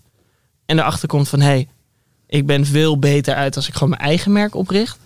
Dan dat ik zometeen eh met die of die eh, adverteerder ga samenwerken. Nou is, dit, nou is dit allemaal heel vet en heel tof en, en kan het heel ver gaan. Tegelijkertijd zien we ook dat er heel veel clinches ontstaan nu tussen Amerika, ByteDance. Dat is de grootste nog wel geweest de afgelopen tijd. WhatsApp, Europa. WhatsApp heeft deze week, vorige week, nieuwe gebruikersvoorwaarden doorgevoerd. Moesten we allemaal in WhatsApp op Ja. akkoord drukken. Er was gelijk paniek. Terecht ook denk ik wel. Want je moet volgens mij als gebruiker er altijd in de gaten houden. Ik heb meteen mijn leven weggetekend. Eh, nee, want je woont in Europa, dus je hebt nergens last van. Eh, dat is nu het ding. Europa houdt het tegen. Dus wat, wat er nu gebeurt is dat WhatsApp gedeeld gegevens, of deelt gegevens van WhatsApp met Facebook. Maar alleen in Amerika, omdat alleen in Amerika mag. Europa is hier voor, ervoor gaan liggen. Dus wij hebben hier nu geen last van. Hetzelfde was natuurlijk met, met TikTok. Had de hele zaak met Amerika. Europa ze volgens mij nog wel alles doen. Maar er, ontstaan gewoon heel veel situaties nu die ja, best wel gevaarlijk kunnen zijn. Hoe ver, mag je gaan als bedrijf? Hoe ver eh, heb je als consument nog recht? Hoe kijk je daarnaar? Kijk, ik denk dat iedereen, inclusief de platformen zelf, er beter eh, vanaf zouden zijn als eh, die platformen worden opgebroken. Dus je moet je voorstellen, wat zou WhatsApp... WhatsApp is, is wat het nu is, wat je ook zegt. Het is eigenlijk gewoon een soort data tool geworden voor Facebook. Om hun eigen targeting en hun eigen Dus, advertising ook- dus ook Instagram en, en dat is wat we vergeten. Ja, ja, ja. dat is, dat is het hele ding. Stel je voor dat WhatsApp niet van Facebook was geweest. WhatsApp, als je kijkt naar de innovaties die ze de afgelopen vijf jaar hebben gedaan, of sinds dat ze van Facebook zijn, is bijna niks aan het platform Helemaal veranderd. En dat komt gewoon omdat ze in een hokje worden gehouden. Dus stel je voor dat al die platformen zo meteen meer met elkaar gaan concurreren. Geloof ik oprecht dat die innovaties waar we het allemaal over hebben, Sneller gaan. nog veel sneller gaan. Daarom denk ik, en ik denk dat de aandeelhouders van die platformen, die, die er ook beter vanaf zullen Ja, want elk zijn. platform gaat in principe op die manier ook meer waard worden. Ja. En Ik durf te eerlijk, als je nu kijkt, ik zit dan een beetje in de stocks. Ik heb dan een paar Facebook aandelen. Ik, Instagram los en al die platformen los zijn samen meer waard dan alles nu onder Facebook. En ik denk op het moment dat, we dat daarom zie je ook, dat op het moment dat er zo'n persbericht naar buiten komt, of de, de FTC of de, de Pa- Department of Justice in de VS, die doen zo'n aanklacht. Het heeft helemaal de stok, eh, de aandelenkoers van Facebook doet niet zoveel. Omdat mensen gewoon weten van nee, ja, het zit eraan te komen. En eh, voor de aandeelhouders heeft het niet zo heel veel effect. Dus ik geloof dat juist die concurrentie, en zeker wat ik zeg, als je nu een start-up begint of een platform begint, ja, er zijn eigenlijk twee mogelijkheden. Ja, of je gaat, of je haalt het niet, of je wordt overkocht door, de, door een van de grote eh, techplatformen. Mm. Dat is het. En dan een andere discussie die ik vind ook nog wel interessant om op te gooien. Denk ik ook wel op zijn plaats hier. Als je nu kijkt naar Donald Trump. Die is en van Facebook en van Instagram afgegooid. En Twitter. En van Twitter. Dan zou je de ene kant, kant kunnen zeggen eh, terecht. Want hij heeft dingen geroepen waardoor er shit bij het capital is gebeurd. Andere kant kun je ook zeggen. Ja, ook best wel eng man. Dat een Twitter, dat een Facebook en een Instagram eigenlijk de vrijheid van, van meningsuiting misschien. Hè, ik, ik roep maar wat. Toch ook wel een soort van weghaalt. Want op Ja. het moment dat zo'n zo'n platform het niet eens is met jouw mening, kun je er dus blijkbaar heel makkelijk van afgegooid worden. Kijk, ik, ik, heb daar de, ik heb daar best wel. Kijk, die platformen, en dat is denk ik elk. Die moeten we veel meer als mediakanalen gaan zien. En de media, als jij de Telegraaf leest, of je leest een ander mediakanaal, dat is nou eenmaal gekleurd. Dus die platformen, dat is, we hebben het heel vaak, wordt, komt dan het vrijheid van de meningsuiting naar voren. Die platformen, zij bepalen de regels. Dus je gebruikt hun platform, zij bepalen in principe wat er op hun platform gebeurt. Dus nu zie je inderdaad dat hij suspended is. Nou, hij heeft de regels van het platform, inderdaad. Dat tweede punt is wel, is wel terecht. Want die platformen hebben inderdaad heel veel macht. En als ik denk ook echt dat wat er nu gebeurt, ze hebben dit gedaan en prima, weet je wel. ehm inderdaad oproepen tot geweld. En daar staan zij, daar staan die platformen in principe vrij in om dat te doen. En nu hebben ze die stap gezet. Maar ik denk dat het, ze, eh, dat het wel de discussie gaat, weer op gaat wekken van... Hey, hebben die platformen niet te veel macht? En die Ja, ze laat zich eigenlijk flink ook in de kaarten kijken nu natuurlijk. Precies. Ja, dat denk ik ook. Het is natuurlijk iets wat een hoop sympathie heeft opgewerkt bij, bij, bij mensen. Maar het is ook heel gevaarlijk, omdat je nu precies laat zien dat jij gewoon net de, de, de president van Amerika buitenspel hebt gezet. Ja. En maar even terug naar, en daarom wij hebben het ook hier heel vaak. Kijk, als jij gewoon ondernemer bent nu, jij wil een bedrijf oprichten, of wat dan ook, of je bent een groot bedrijf. Op die platformen, kijk, onze, mo- onze mobiele telefoon is een soort van de afstandsbediening geworden van ons leven. Iedereen zit van of je nou 13 bent of 65, daar spendeer, wordt de meeste tijd gespendeerd. En 50% van die tijd wordt op die platform gespendeerd. Dus of je het nou leuk vindt of niet, of je nou de dominantie van die platformen leuk vindt of niet, als jij een bedrijf wil bouwen, dan is dat je speelveld. En dat is dus ook vaak van, oké, ja, wij hebben er een, eh, wij zijn er gewoon van, oké, als jij een bedrijf wil bouwen, wij zijn er gewoon om zo'n goed mogelijk verhaal op die platformen te vertellen. En ik denk dat al die machts, eh, dus eh, al die ehm, eh, fake nieuws, al die problemen, die machtspolitiek, dat is, vind ik echt een, een overheids, daar moet de overheid iets mee doen. Er moet gewoon regelgeving komen. Die regelgeving loopt gewoon enorm hard achter. Loopt gewoon heel ver achter. Dus ik vind het ook niet, dat zag je ook toen als je die boycott, ik vind het niet de, de zekere Facebook je ziet op het moment dat adverteerders zeggen, ja, we doen niks meer op Facebook. Het heeft gewoon geen enkel nut. Nee. Het is echt, het is echt iets wat een overheid, eh, waar een overheid op in zou moeten grijpen. Ja. En als bedrijf, ja, ik denk, je kan er best maar ervan profiteren. En gewoon je, je ehm, Je aanpak. zijn waar, je moet gewoon zijn waar je doelgroep zit. En die zitten nou eenmaal daar. Ja. Wat is je grootste fout die je hebt gemaakt in, eh, in je carrière? Eh, Of je grootste leermoment misschien? Nou, kon, er zijn denk ik constant leermomenten. Ik denk dat. ehm, ik zou er niet één op willen noemen, maar het is eigenlijk constant. Je, daar leer ik persoonlijk heel veel van. Is gewoon je, constant je eigen rol. Dus in het begin ben je gewoon verantwoordelijk voor alles. Ehm, en dan wil je ook alles doen. Want het is in principe je kindje. Maar ik denk de grootste tip die ik beginnende ondernemers. En zo ook om terug te komen in het begin op je vraag van hoe schaal je zo hard is de grootste fout die beginnende ondernemers maken. Die ik in het begin ook al een paar keer heb gemaakt. Ondanks dat ik, wat ik nu ga zeggen dat ik dat weet. Is dat ehm, je beter, je moet echt uitvogelen. Je moet echt van jezelf leren kennen. En weten waar ben ik goed in. Waar voeg ik waarde toe. En alles wat dat niet is. Wil je eigenlijk zo snel mogelijk eh, mensen bij, eh, bij je betrekken. Of je ze nou aanneemt, freelance. Desnoods hou je ze, sluit je op in je kelder. Maakt, maakt niet uit. Eh, Oké. nee, je gewoon eh, Jordi is net uit mijn kelder hoor. Nee, je, je- gewoon mensen die. Terug, terug naar mijn punt. Wat, ehm, een groep mensen om je heen verzamelen die echt. eh, die Goed echt, is. Die, ja, goed is, maar die jou ook vullen op gaat waar je zelf niet goed in bent. En op het moment dat je dat. Want uiteindelijk word je zelf. En daar moet je als ondernemer voor oppassen. Dat je zelf niet een soort van de bottleneck wordt van je organisatie. Omdat jij te veel bij jezelf wil houden. Ik denk dat dat core. eh, dat dat iets is. En dat is voor mij gewoon een constant ding. Want op een gegeven moment, je begint als van, oké, je bent in eerste instantie, doe je alles zelf.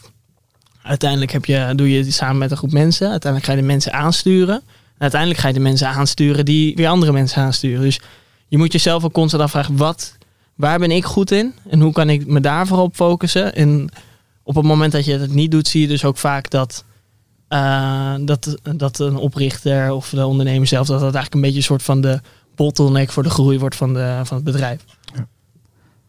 Als je nu kijkt naar creators in Nederland, van wie ben je dan onder de indruk? Behalve natuurlijk Paul, maar echt degene die wij kennen. Mm, goeie vraag. Ik vind, eh, ik vind wat jullie doen heel vet. Dus Mhm. gewoon, ik denk een van de weinige, eh, inderdaad, wat je zegt, gewoon eh, echt die, dat je ook ziet gewoon van oké, eh, echt het merk bouwen, echt een platform bouwen. Ook gewoon heel duidelijk kiezen van oké, welke, welke doelgroep wil ik en welke waarde voeg ik toe in. Ehm, ik vind Kelvin, zijn Calvin, vind ik een hele goeie. Die weet gewoon heel goed wel wat voor content zijn doelgroep wil zien. Die denkt, is gewoon echt een, veel meer een programmamaker. Voor de rest vind ik het niveau, denk ik, ja, ik vind het, ik denk dat, ik denk dat ik dan vooral naar de VS kijk. Dus eh, bijvoorbeeld eh, een Mr. Beast. Echt doodziek wat die gozer, ge- hij had nu laatst 300 eh, restaurants geopend op een soort van ghost kitchen model. Ja, dat is, en die apps, weet je wel. Dus hij heeft dat gewoon, ik denk dat hij wel een soort wereldwijd, een wereldwijde pionier is op, eh, op dat gebied. Ik vind eh Nederlandse Jordi, dus uh, Kwebbelkop, vind ik ook hele, doet dat ook slim. Maar in Nederland zelf heb je het nog niet. Ik denk dat wij gewoon echt achterlopen. Dus ik denk, wil je voor creators die misschien luisteren of ja, VS, maar ga alsjeblieft, ga even naar- ga naar China kijken. Dat- Maar waar daar- moet je heen als je naar China wil kijken? Want als ik nu intyp China, social media, vind ik dan wat? Hoe, hoe, hoe doe je dat? Ja, je hebt, je hebt ehm, nou, dat is een goede vraag. Tenminste, je kan eh, via enkele VPN's kan je bijvoorbeeld gewoon die platformen. Maar er zijn genoeg soort van Engelse. Ik volg bijvoorbeeld op LinkedIn volg ik een paar mensen die doen dan, eh, zijn dan die doen het gewoon in het Engels. Die laten gewoon zien wat daar in de markt gebeurt. Dus bijvoorbeeld. En er zijn echt wel bijvoorbeeld de Wall Street Journal. Al die dingen die schrijven daar wel over. Maar je weet gewoon dat is interessant. Je weet dat ik je straks ga appen om dit soort dingen Ja, eh, even bij op te vragen. hè? Dat vind ik alleen maar leuk. Zeker. Dus je kan. Er zijn, als je daarnaar zoekt en je zoekt gewoon van oké, China social commerce, China livestreaming, dan vind je echt heel wat artikelen die erover gaan. En het geeft je gewoon een heel goed beeld. China loopt gewoon een paar. Ik zeg niet dat precies wat er in China gebeurt, dat het precies hier gaat gebeuren. Maar je ziet wel dat de platformen, hier, de grote platformen hier, die kijken heel erg naar de platformen in China. Ja, je, ja je, ziet het, je ziet ook wel vaak dat de dingen uit Amerika overwaaien die hier ook gewoon lukken. Eh, Dat, dat, dat, dat is gewoon zo. Kijk, het hoeft niet altijd eh, die kant op te gaan. Maar je ziet wel dat de mensen over het algemeen best wel... eh, we lijken best wel op elkaar. We vinden allemaal best wel hetzelfde leuk. Ja, anders is social media ook niet zo groot geworden. We willen allemaal entertained worden, zo snel mogelijk, zoveel mogelijk.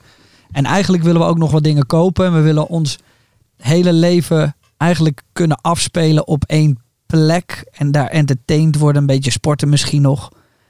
Maar als we het allemaal op één plek kunnen vinden, of dat nou livestream is, of op je telefoon, of AR, het kan allemaal. Dat is wat we willen. Ja, en, en het is ook over grenzen. Kijk, grenzen buiten taalbarrières is dat als jij... eh, kijk, zeker nu met COVID en al die andere dingen. Het is gewoon... eh, als jij iets... Je kan in Europa prima iets maken wat in de VS goed gaat doen. Hetzelfde dat je heel wat business in de VS kan doen zonder daar daadwerkelijk te zitten. Als jij gewoon iets hebt wat de rest van de wereld niet heeft. Of je maakt iets. En dat is denk ik een beetje die globalisering. Dus gewoon eh, platformen die gewoon zo hard wereldwijd schalen. Je hebt nu dus ook heel veel platformen, dus zoals een TikTok, dat komt vanuit China. Ja. Dat is echt een van de platforms. Ik denk dat je dat veel meer gaat zien. Niet alles gaat meer vanuit Silicon Valley komen.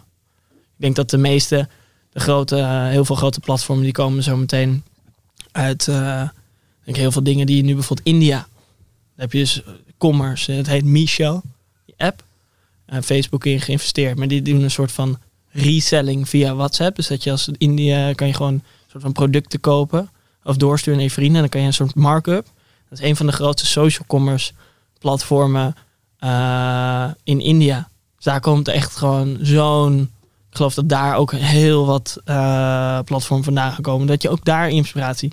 Je hebt in Afrika heb je een platform met M-Pesa. Dat is dus eigenlijk ook gewoon mobile payments. En je ziet dus dat, waar, hoe komt dit? Dat een Afrika op sommige punten echt voorop loopt dan wij. Of een India of een China gewoon meerdere jaren voorop loopt. In Afrika zal het zo zijn omdat waarschijnlijk hun munt niet meer zoveel waard is. Nee, nee, het komt voornamelijk omdat ze eh, heel veel dingen waar wij... Zij hebben gewoon, zijn direct met mobiel begonnen. Ja. Zelfs in China, die hebben nooit op de desktop zingen. Die zijn gewoon direct bij mobiel begonnen. Dus die hebben gewoon dingen overgeslagen, omdat ze gewoon later erbij zijn. Die hebben gewoon een heel gedeelte overgeslagen. En daarom lopen ze zo ver voor. Ehm, ja, China is het meest interessant. In de VS lopen ze ook nog voor op hier. Als je ziet wat daar, dus dat social commerce ook alweer een stuk verder. Amazon. Wij lopen hier in Europa, in Nederland lopen we best wel voor op de rest van Europa. Maar al, al, algemeen het continent lopen we hier best wel Achter. achter.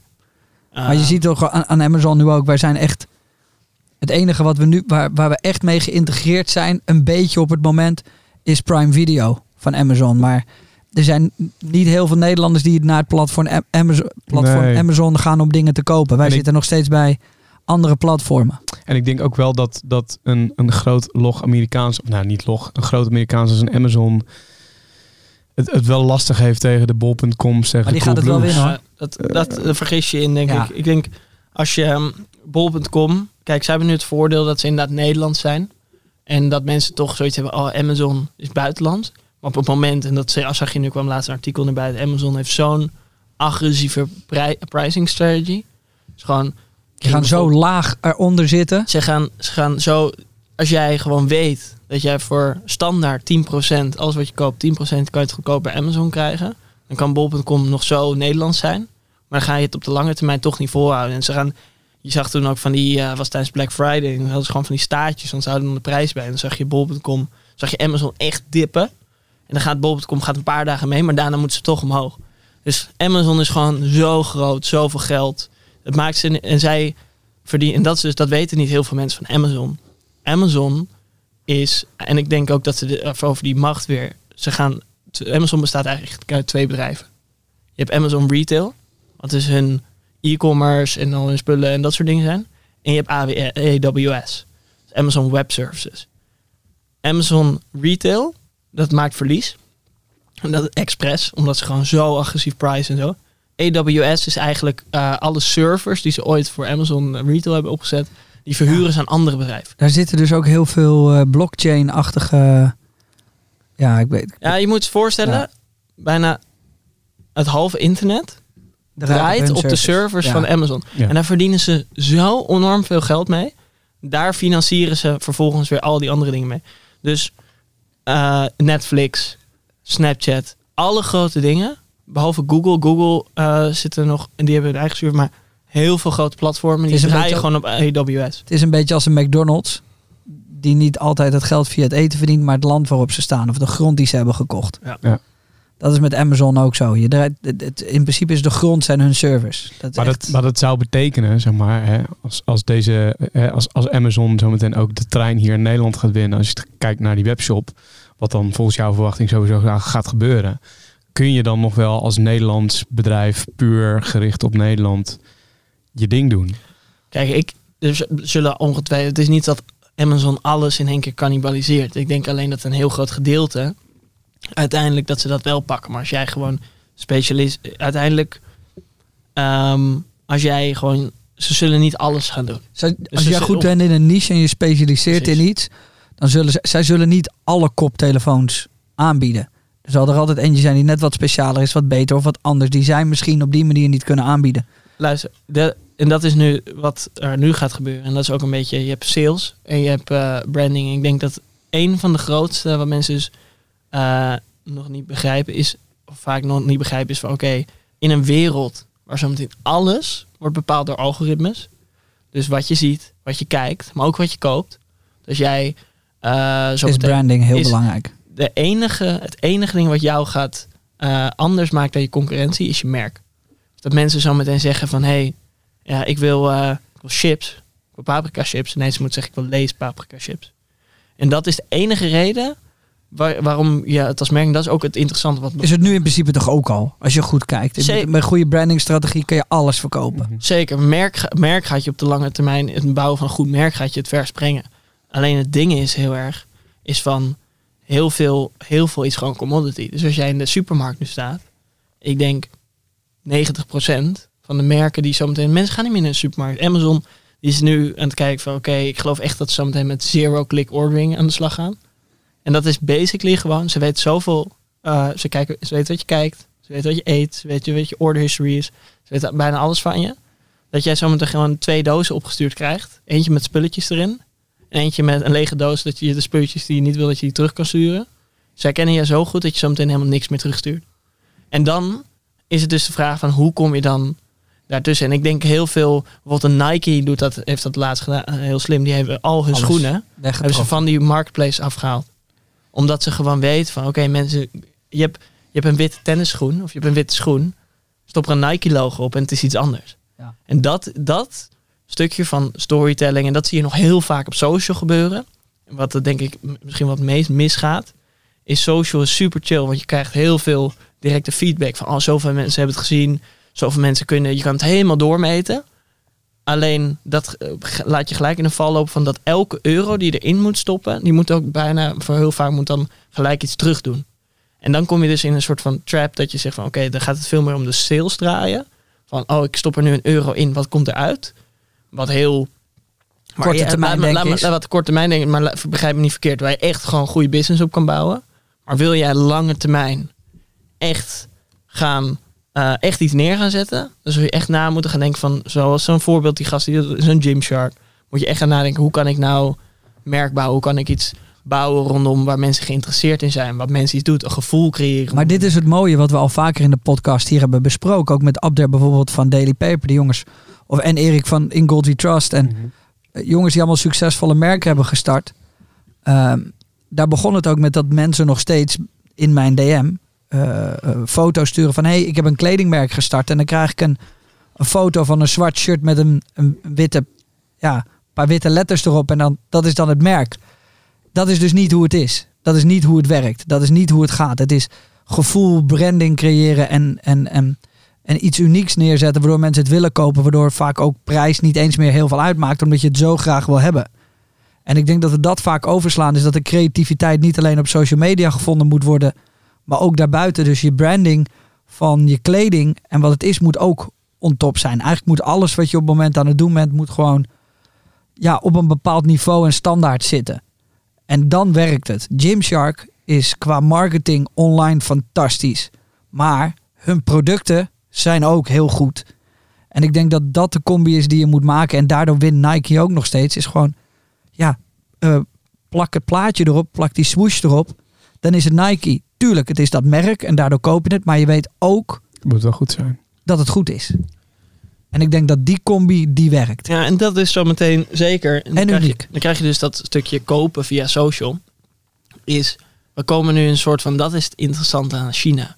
Is tegenwoordig hier, als je nu naar social media kijkt, inderdaad, een video van jullie kan viral gaan. Je kan een, eh, een, eh, een post hebben, weet je. je kunnen, eh, content gaat over het algemeen viral. Op het moment dat jij zo meteen dingen en spullen kan kopen, of een dienst kan leveren, en je kan dat afnemen binnen social, is niet alleen een foto of een video die viral kan gaan. Dan is het ook een product of een dienst. Nou ja, dat is exact wat, wat Wou- Wouter van der Vaart natuurlijk in onze vorige podcast ook verteld heeft. Hij meerdere tonnen met Minecraft verdiend. Door gewoon producten die hij in een hele storyline heeft bedacht Ja, die in ook- Minecraft. Ken je Wouter van der Vaart? Nee. Die moet je eens gaan kijken. Dat is ook eh, interessant. Dit soort, daar, daar komen dit soort gesprekken dus allemaal bij elkaar. Ja, want die, die, heeft, die, die heeft dus gewoon letterlijk een storyline bedacht op YouTube met verhalen uit Minecraft. De dingen die hij daar heeft gemod, gemaakt, verkoopt hij vervolgens in een store. En dat gaat in Nederland over 10.000 euro's, Ja, maar in Amerika ook over tonnen. Ja, het is, je moet, eh, de video die is wel wat ouder.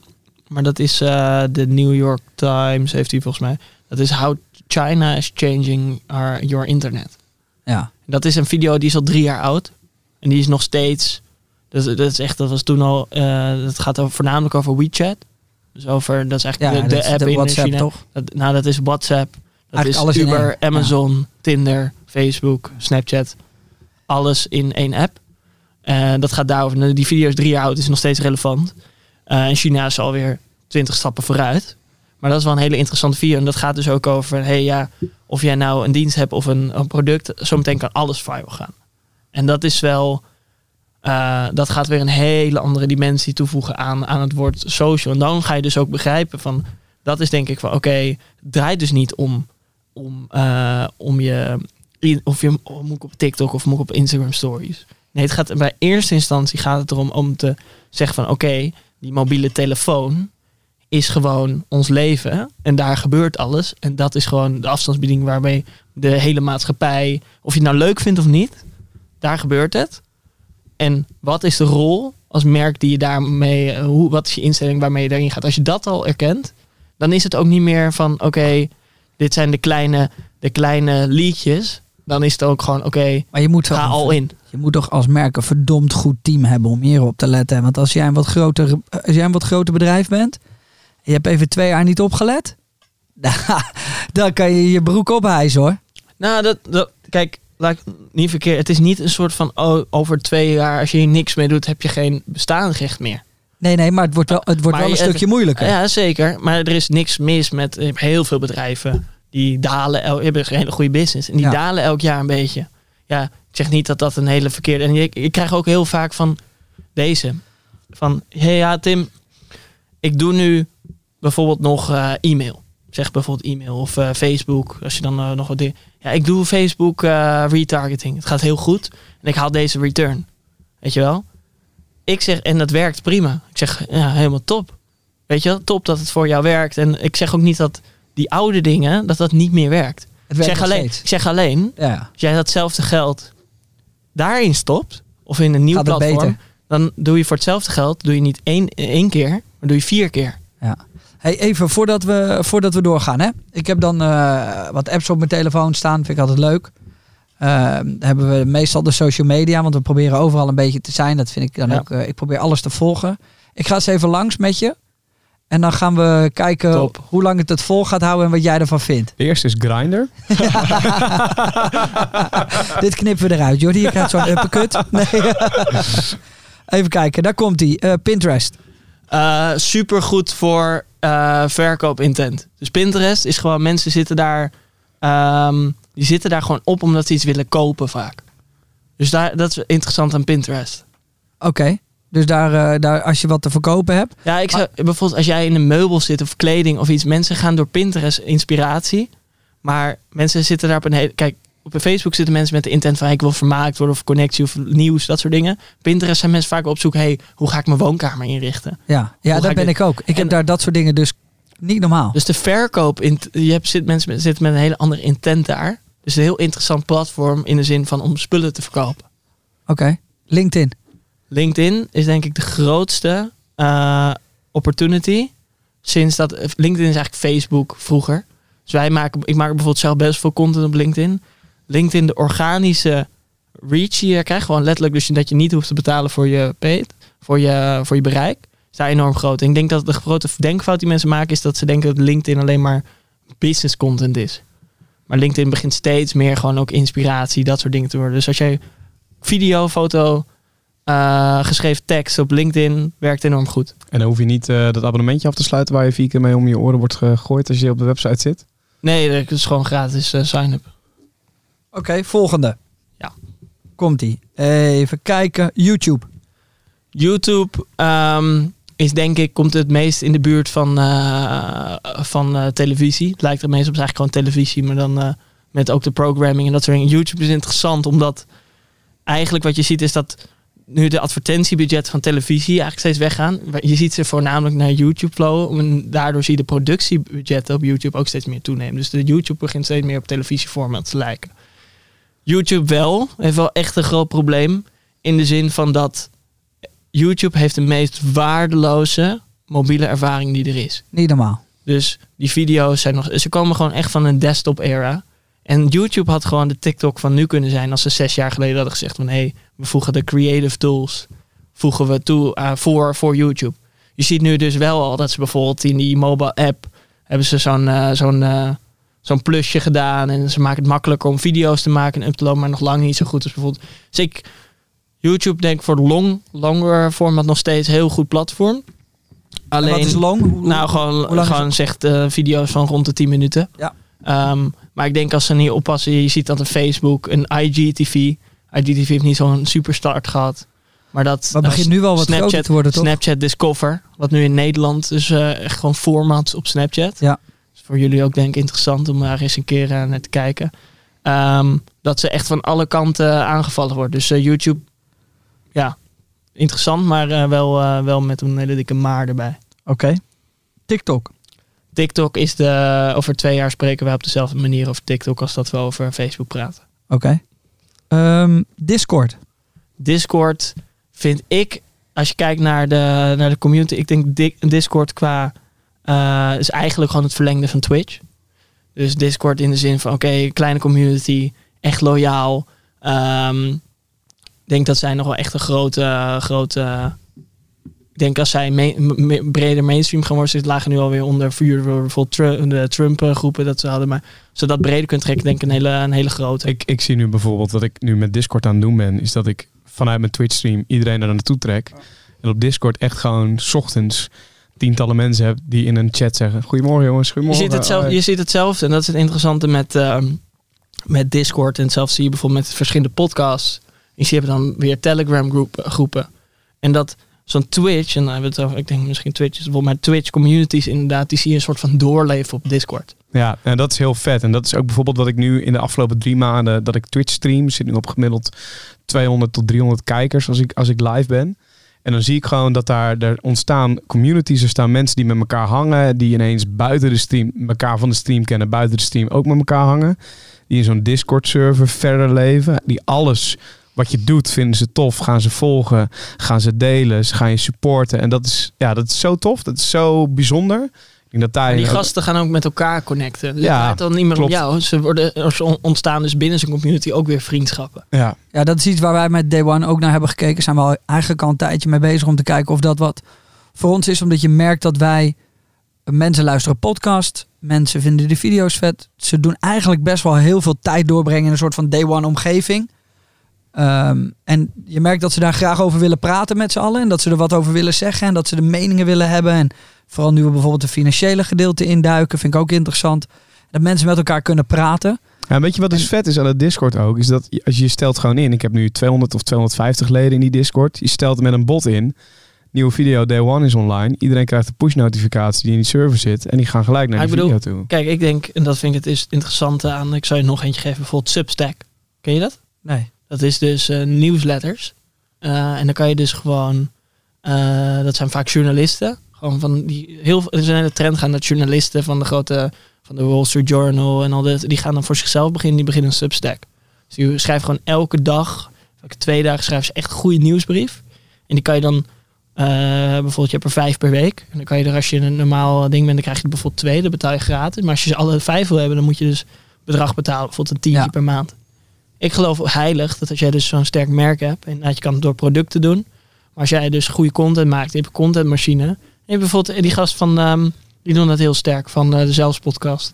Ja, zo, die zijn er echt Die hebben, die hebben gewoon bedacht van, hé hey, luister, ik heb gewoon een fangroep. En als jij, eh, en er is ook, dat vind ik een beetje, zeker in Nederland, er is een beetje een soort, eh, mensen vinden het een soort vies op het moment dat groep van, ja. waarom maak je, mensen vinden dat alles op het internet gratis moet zijn. Ja. Zo'n bedoel- bullshit, ja. Maar je, jullie weten het zelf, er zit zo'n team achter die het allemaal maakt. Maar wij merken, wij merken bij Day One wel nu gelukkig dat mensen, omdat we al 100 jaar kwaliteit leveren en veel doen en ze weten dat er een team achter zit, mensen zijn nu bereid wel om te betalen en om te doen. Dus, eh, ehm, en dan kan ik best zeggen, wij zijn ook bezig aan de achterkant om te kijken of we onze eigen platform kunnen creëren. Waarin we een sterke community willen, eh, ja, willen vormgeven. En waar we echt, ehm, eh, ja, echt onze eigen wereld willen Ja, creëren. kijk, ik bedoel, als je zo'n. Vaak is dan subscription, is denk ik het, eh, het sterkst. Ehm, het moet voor als jij echt fan bent van iets en je betaalt bijvoorbeeld elke maand twee koffietjes.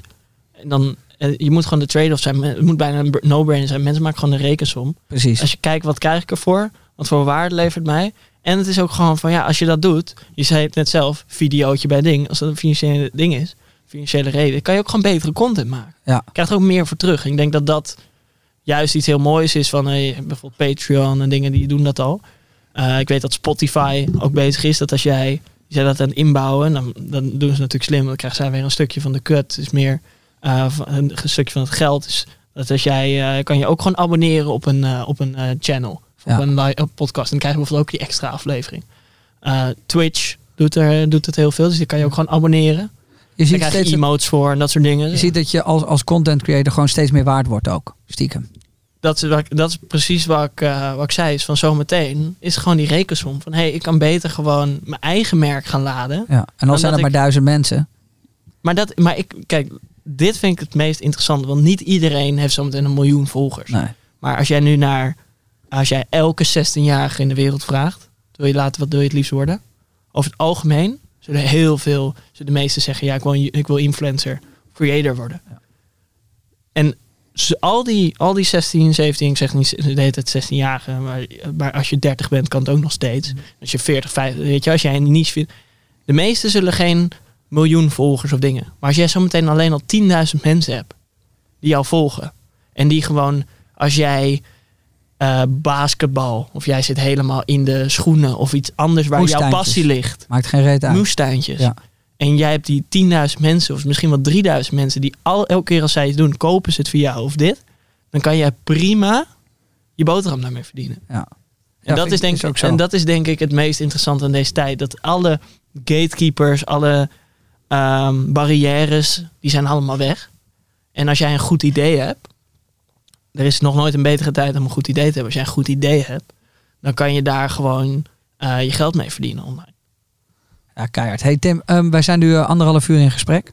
Tering. We- ja, weet je wat ik voorstel?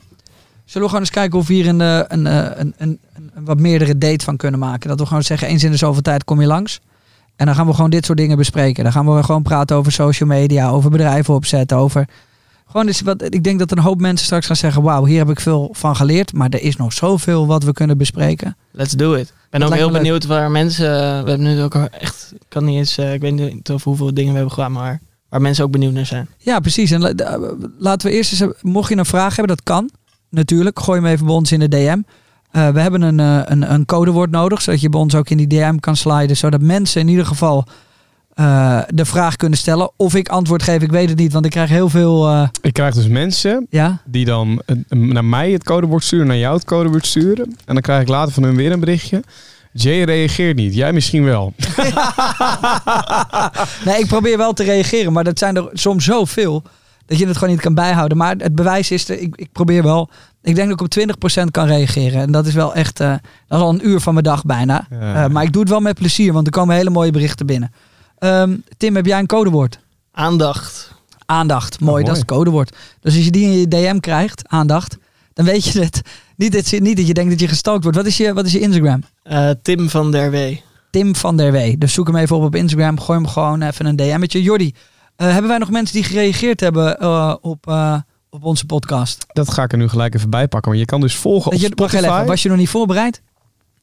Jawel. Nou, Ik heb hem hier kom maar door. Ja, kom maar door. Je kan dus volgen op Spotify en eh, je, je moet op eh, Apple Podcast. Nee, je, moet, ja, je kan op Apple Podcast vijf sterren achterlaten. Even een leuke recensie. Even een reactie of iets. Of iets waar je, waar je meer over wil weten. Hele leuke podcast. Ik waardeer de eerlijkheid van de gasten en jullie zelf. Eh, met name de podcast met Jordi Chris, waar Jay ook de nadelen van het ondernemen in de spotlight staan laat horen. In de toekomst zou ik het interessant vinden om iemand te horen wie gespecialiseerd is in het investeren in vastgoed. Dat zegt David. Dat vind ik ook nog wel eh, een goeie hoor. Iemand die eh, veel met vastgoed eh, kan en doet en weet. Ja, het enige gevoel heb wat ik af en toe met vastgoed heb, is dat het. ehm, ehm, ik snap dat mensen dat willen horen, maar het is. Je moet. Voordat je, daar, voordat je daarin start en voordat je daarheen gaat. Ik, ik zoek het liever altijd even wat dichterbij. Maar als mensen erom vragen, moeten we dat misschien gewoon gaan doen. Eh Jarno zegt lekker kilometers maken op het fietsje. Lekker genieten van deze podcast. Goed begin van het jaar. Houd dit vol. Rodney stuurt top podcast. Kijk er wekelijks weer naar uit. Keep up the good work. Eh Grieks zei Lambo die zegt inmiddels een half jaar later, maar nog steeds geen Dino podcast. Nee? Ja, ik wil graag over dinosaurussen praten, maar we kunnen niemand vinden. ja. Eh, twee uitroeptekens. Keiharde podcast. Dat zegt eh Kalkie dan van Breda. Wereldse podcast zegt Magic. Thijsie. Oké, dat was genoeg veer in onze eigen reet. Eh, mochten jullie nog willen luisteren naar andere podcasts. We hebben natuurlijk Stefan van Stuk TV ook de gast gehad. Fantastische podcast. Heel erg leuk. Ehm, heb jij nog een aanrader? Eh, nou, ik vond die van vorige week, Wouter van der Vaat, eh, verrassend eh, interessant. En die Stefan Jurjens. En daar krijgen we heel veel reacties op ook. Omdat het, die gast is daar zo eerlijk. Zo, zo heeft niemand hem nog ooit horen praten. Mooi. Tim, volgende maand weer? Let's do it. Oh, trouwens. Ja, nee, ik heb nog wel een aanrader. Ja. Eh, want als je dit interessant vond. We hebben het de hele tijd over social media en dergelijke gehad. Maar dat hebben we natuurlijk ook met Vince van Meer gedaan. Hè? Ja, vind en dat is ook wel een hele goede aanvulling. Was gezellig. Oké, dan eh, kunnen jullie ook gaan luisteren. Jongens, dit was de Day One podcast. Bedankt voor het luisteren. Vergeet ons niet overal te volgen. Het Day One Lifestyle natuurlijk ook gewoon op Instagram als je meer wil weten en meer wil zien. Ciao, dit was hem. Tot de volgende keer. Eh, later.